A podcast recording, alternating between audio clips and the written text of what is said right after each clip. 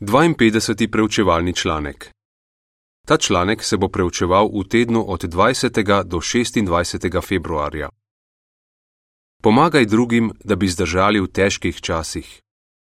Tematski stavek. Ne odrekaj dobrega tistim, ki so potrebni pomoči, če jim le lahko pomagaš. Pregovori 3:27. Pesem 103. Pastiri, darovi v obliki ljudi. Povzetek. Jehova tistim, ki doživljajo težke čase, pogosto pomaga po svojih zvestih služabnikih. Tudi tebe lahko uporabi, da spodbudiš brate in sestre. Poglejmo, kaj lahko naredimo za tiste, ki potrebujejo pomoč. Odstavek 1. Vprašanje. Kako Jehova pogosto odgovori na molitve svojih služabnikov? Ali veš, da te Jehova lahko uporabi, da odgovori na gorečo molitev tvojega sokristjana. Pri tem ni pomembno, ali si starešina, strežni služabnik, pionir ali oznanjevalec v občini. Vseeno je tudi, ali si mlajši ali starejši, oziroma ali si brat ali sestra. Jehova za tiste, ki ga imajo radi in ga prosijo za pomoč, pogosto poskrbi tako, da so jim starešine in drugi zvesti bratje in sestre v veliko tolažbo. Res nam je v čast, da lahko tako služimo Jehovu in sovernikom. Takšno priložnost imamo lahko, ko izbruhne bolezen, pride do naravne ali druge nesreče ali do preganjanja. Pomagaj drugim, ko izbruhne bolezen. Odstavek 2. Vprašanje. Zakaj med epidemijo ali pandemijo ni lahko pomagati drugim? Ko izbruhne bolezen, morda težko pomagamo drug drugemu. Mogoče želimo obiskati svoje prijatelje, ampak to ni varno. Morda bi tiste, ki imajo bolj malo denarja, radi povabili na obrok, vendar tudi to ni možno. Mogoče želimo pomagati drugim, ampak je to lahko izziv, če je kdo od naših družinskih članov bolan ali v finančni stiski. Vseeno hočemo pomagati sovernikom in Jehova je zadovoljen, ko za njih naredimo, kar lahko. Kaj pa lahko naredimo? Odstavek 3. Vprašanje. Kaj se naučimo od starešin iz občine sestre Desi? Jeremija 23:4. Kaj lahko naredijo starešine? Če si starešina, dobro spoznaj brate in sestre v občini.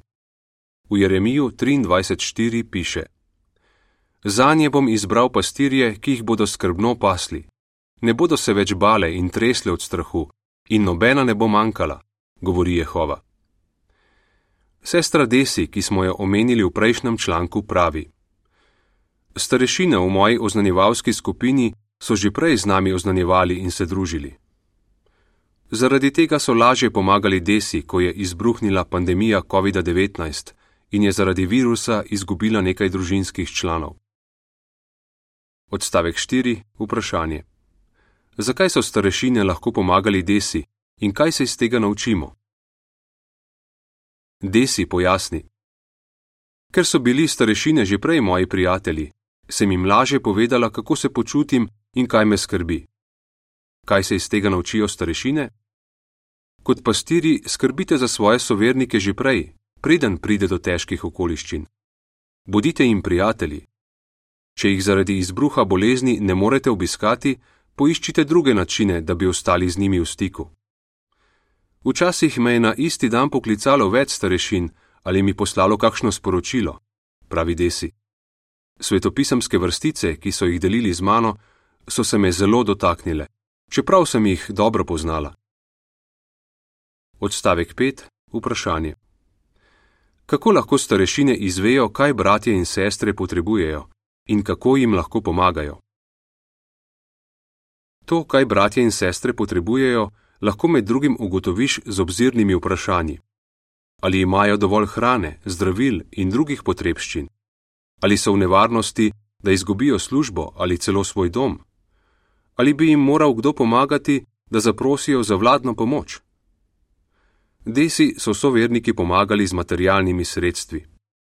Najbolj pa ji je pomagalo to, da so jo v čustvenem in duhovnem pogledu podpirali starešine. Takole pove: Starešine so molili z mano. Čeprav ne vem, kaj točno so rekli, se spomnim, kako sem se počutila. Bilo je tako, kot da bi mi Jehova rekel: Nisi sama. Odstavek 6. Vprašanje. Kako si lahko vsi v občini pomagamo med seboj? Kaj lahko naredijo drugi? Upravičeno pričakujemo, da bodo starešine skrbeli za druge.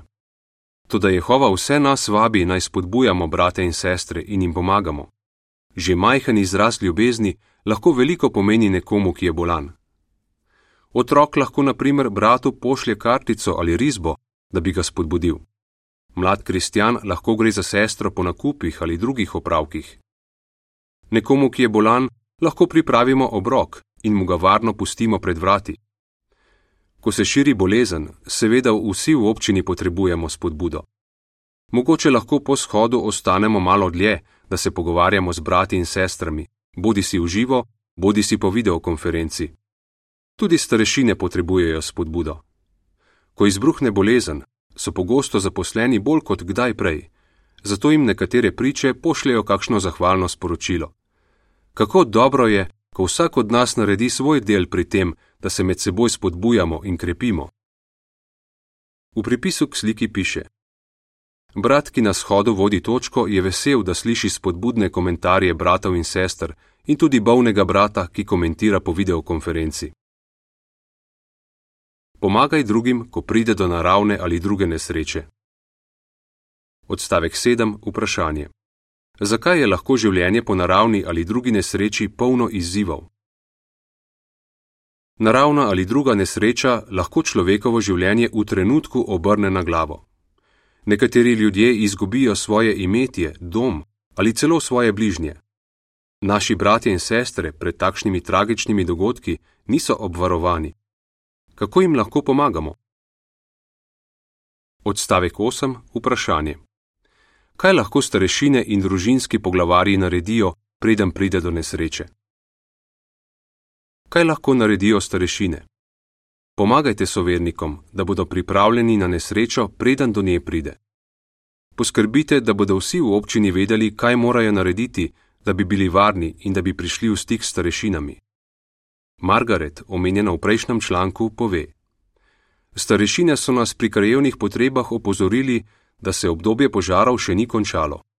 Rekli so nam, da moramo takoj zapustiti svoje domove, če bi oblasti odredile evakuacijo ali če bi razmere postale nevarne. Te informacije so bile res času primerne, saj je čez pet tednov izbruhnil zelo nevaren požar. Družinski poglavari lahko med družinskim čaščenjem pregledajo, kako bi moral ravnati vsak član družine. Če boste ti in tvoji otroci pripravljeni, boste lažje ostali mirni, če pride do nesreče. Odstavek 9. Vprašanje. Kaj lahko starešine naredijo pred nesrečo in po njej? Če si nadzornik oznanjevalske skupine, poskrbi, da boš imel najnovejše kontaktne podatke vseh v svoji skupini, še preden pride do nesreče. Naredi si seznam in bodi pozoren, da bodo v njem vedno najnovejši podatki. Tako boš lahko v primeru nesreče kontaktiral vsakega oznanjevalca, da bi ugotovil, kakšno pomoč potrebuje. To, kar boš izvedel, takoj posreduj koordinatorju starešinstva, ki bo na to kontaktiral okrajnega nadzornika. S takšnim skupnim trudom se lahko veliko doseže.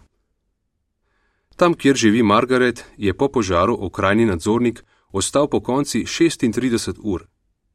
Koordiniral je delo starešin, da so kontaktirali približno 450 bratov in sester, ki so morali zapustiti svoj dom in da so za nje poskrbeli. Tako so lahko vsi imeli streho nad glavo. Odstavek 10. Vprašanje. Zakaj starešine pastirjevanje jemljajo zelo resno? Janez 21:15. Ena od nalog starešin je, da nudijo duhovno in čustveno pomoč ko pride do nesreče, bi se morali najprej prepričati, da je vsak sovernik na varnem in da ima hrano, oblačila in streho nad glavo. Duhovno in čustveno pomoč pa bodo mnogi verjetno potrebovali še mesece po nesreči. V Janezu 21:15 piše: Ko so pozajtrkovali, je Jezus Simona Petra vprašal: Simon, Janezov sin, ali me imaš rad bolj kakor te? Ta mu je odgovoril: Ja, gospod, ti veš, da te imam rad. Jezus pa mu je rekel: Hrani moja jagnjeta. Človek potrebuje čas, da si jo pomore, pravi Harold, ki služi v podružničnem odboru in se je srečal s številnimi brati in sestrami, ki jih je prizadela kakšna nesreča. Morda začnejo spet normalno živeti, to da spomini na ljubljeno osebo, ki je umrla, na stvar, ki jim je bila zelo pri srcu, ali na nevarne okoliščine, v katerih so bili, ne izginejo. Ti spomini lahko pri posamezniku vedno znova sprožijo žalost. To ni pomankanje vere, ampak običajen človeški odziv. Odstavek 11. Vprašanje. Kaj potrebujejo družine po nesreči? Starešine si jemljajo k srcu naslednji nasvet: Jokajte s tistimi, ki jokajo. Rimljanom 12:15. Tistim, ki preživijo kakšno nesrečo, je morda treba zagotoviti, da jih imajo Jehova in soverniki še vedno radi. Starešine želijo pomagati družinam, da ne opustijo duhovnih navad, kot so molitev, preučevanje, obiskovanje shodov in oznanjevanje. Poleg tega spodbujajo starše, naj svojim otrokom pomagajo, da se osredotočijo na to, česar ne more uničiti nobena nesreča. Starši, spomnite svoje otroke, da bo Jehova vedno njihov prijatelj in da jim bo vedno stal ob strani. Pojasnite jim, da bodo vedno lahko del svetovne družine bratov in sester, ki so jim pripravljeni pomagati. Odstavek 12. Vprašanje.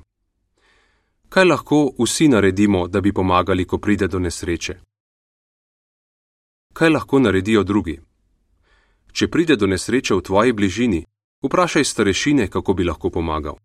Mogoče lahko ponudiš začasno nastanitev tistim, ki so morali zapustiti dom ali prostovoljcem za gradnjo. Morda boš lahko dostavil hrano in druge potrebščine oznanjevalcem, ki to potrebujejo.